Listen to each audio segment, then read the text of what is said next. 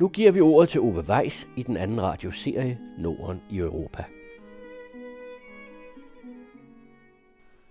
Fem dage i slutningen af maj var København og Malmø, aksen i Øresundsregionen, værtsbyer for årets topmøde på verdensplan om vedvarende energi.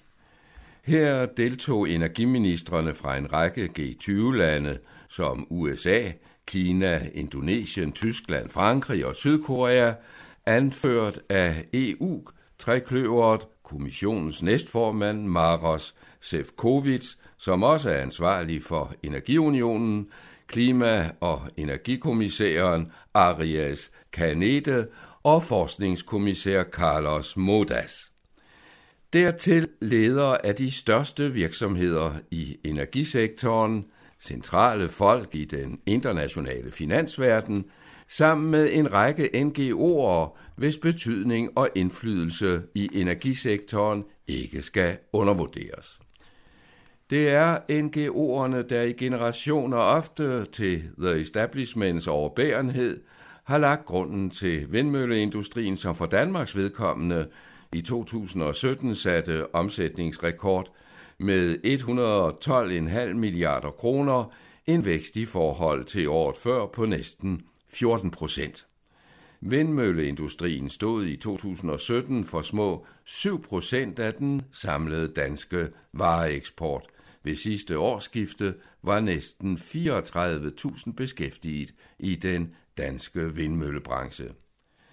Det var blandt andre meteorologen og højskolelæreren på Askov Højskole, Paul Lacour, som for over 100 år siden blev en af pionererne inden for elproducerende vindmøller.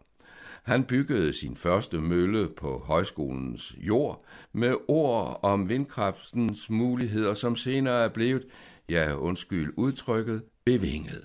Han talte om, citat, al den tolvfri energi, som går over landet. I nyere tid har indsatsen for vedvarende energikilder sideløbende med talrige videnskabelige og praktiske eksperimenter i højere grad været præget af aktivisme, ofte demonstrationer vendt mod atomkraft og global forurening.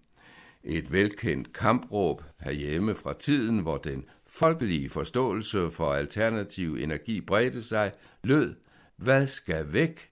Barse bæk, hvad skal ind? Sol og vind.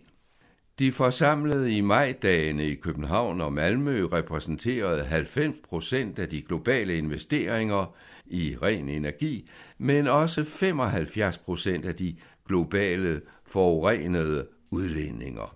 Når møderne ikke vagte større opsigt, skyldes det, at de var lukkede for offentligheden.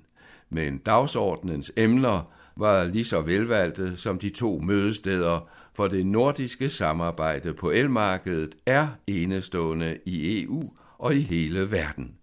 Styrken er ikke mindst stor fleksibilitet i energiproduktionen, alt fra vind og sol til vandkraft og biomasse, som betyder, at de nordiske lande supplerer hinanden. Når det er vindstille i Danmark, kan man via det åbne nordiske elmarked hente elektricitet fra Norge, som er førende inden for vandkraft. De stærkt svingende grønne energikilder, sol og vind, kombineres med biomasse og termiske produktioner, også af mere traditionel art. Ikke overraskende benyttede de nordiske energiministre lejligheden til at påvirke det globale topmøde. Det gjorde de ved dagen før på et fællesmøde i Lund, at vifte med klimaaftalen fra Paris i 2015 for en mere bæredygtig energiproduktion. Her opfordrede de til øget offentligt og privat samarbejde om forskning og udvikling af klimasmart energi. Desuden lovede de at intensivere indsatsen for at mindske udslip af koldioxid.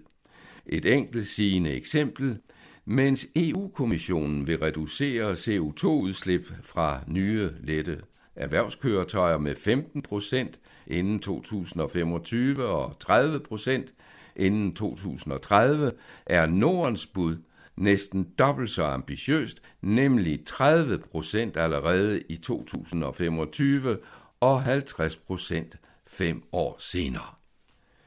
Men inspirationen i majdagene gik ikke kun den ene vej fra Norden til Europa og videre ud i verden.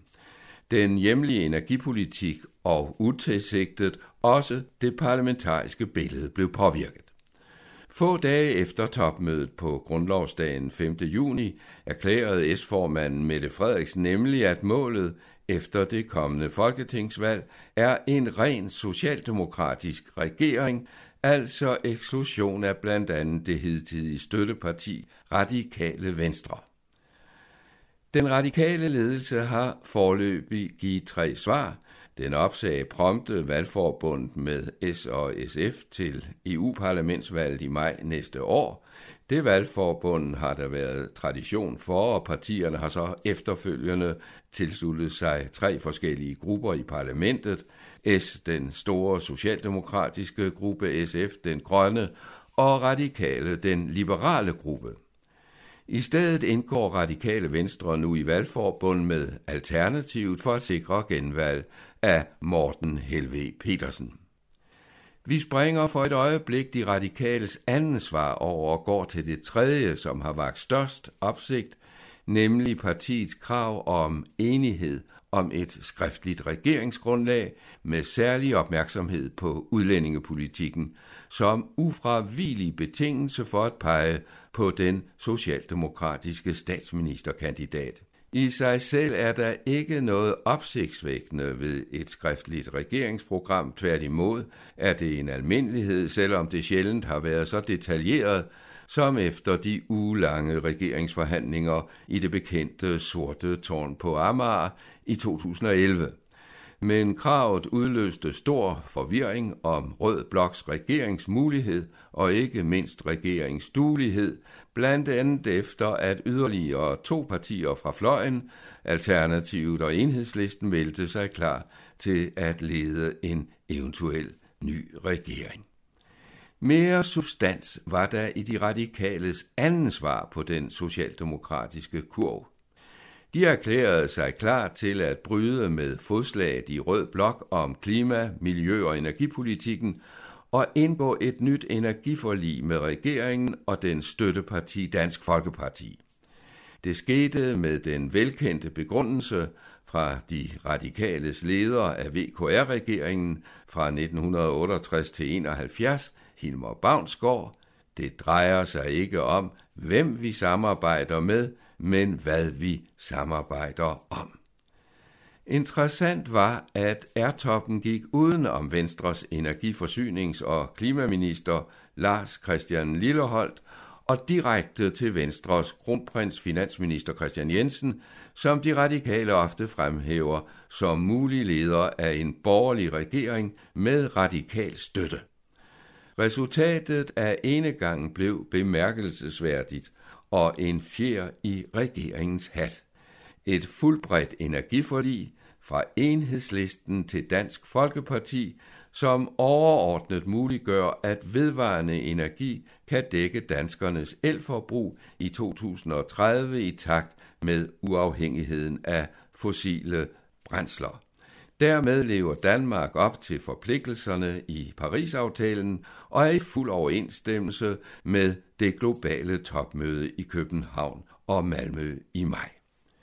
I hovedtræk indeholder energireformen en pulje på over 4 milliarder kroner til udvidelse af produktionen af grøn biogas, en halv milliard kroner årligt i perioden 2021 til 2024 til energibesparelse primært i erhvervslivet, lempelser af afgifter på el og elvarme på godt 2 milliarder kroner i 2025, reservering af 400 millioner kroner og fra 2026 yderligere en halv milliard kroner årligt til fremme af vedvarende energi, Kul i dansk elproduktion udfases inden 2030. En pulje på en halv milliard kroner i perioden 2020 til 24 til fremme af grøn mobilitet og transport, saltvandsindsprøjtning til energi- og klimaforskning med et mål på 1 milliard kroner i 2024. Men de to enkeltbeslutninger, der har været mest opmærksomhed om, fordi de i særlig grad skilte vandene, er, parterne afsætter 4,2 milliard kroner til udbudsrunder, hvor forskellige teknologier, som for eksempel landvindmøller og solceller, kan konkurrere om at levere grøn strøm til laveste pris. Og frem for alt, der oprettes tre havvindmølleparker frem mod 2030. Det var et af de oprindelige stridspunkter, men nu er forventningen, at pakkerne bliver markant billigere end tidligere pakker. Gennem året har Mette Frederiksen proklameret, at klima- og miljøpolitikken bliver et af oppositionens højst prioriterede emner, når valget udskrives. Det skal sætte udlændingepolitikken i skyggen, må man forstå. En S-regering vil genskabe Danmark som grøn stormagt, lyder det fra S-formanden. Samtidig angriber Rød Blok jævnligt regeringens klima- og energipolitik for at være kulsort. Med samtlige Folketingets partier bag energireformen, et forlig, som reelt er skabt ved radikal mellemkomst, som reaktion på udelukkelsen fra mulig regeringsdeltagelse, synes vinden i energi- og klimapolitikken i nogen grad taget ud af oppositionens sejl.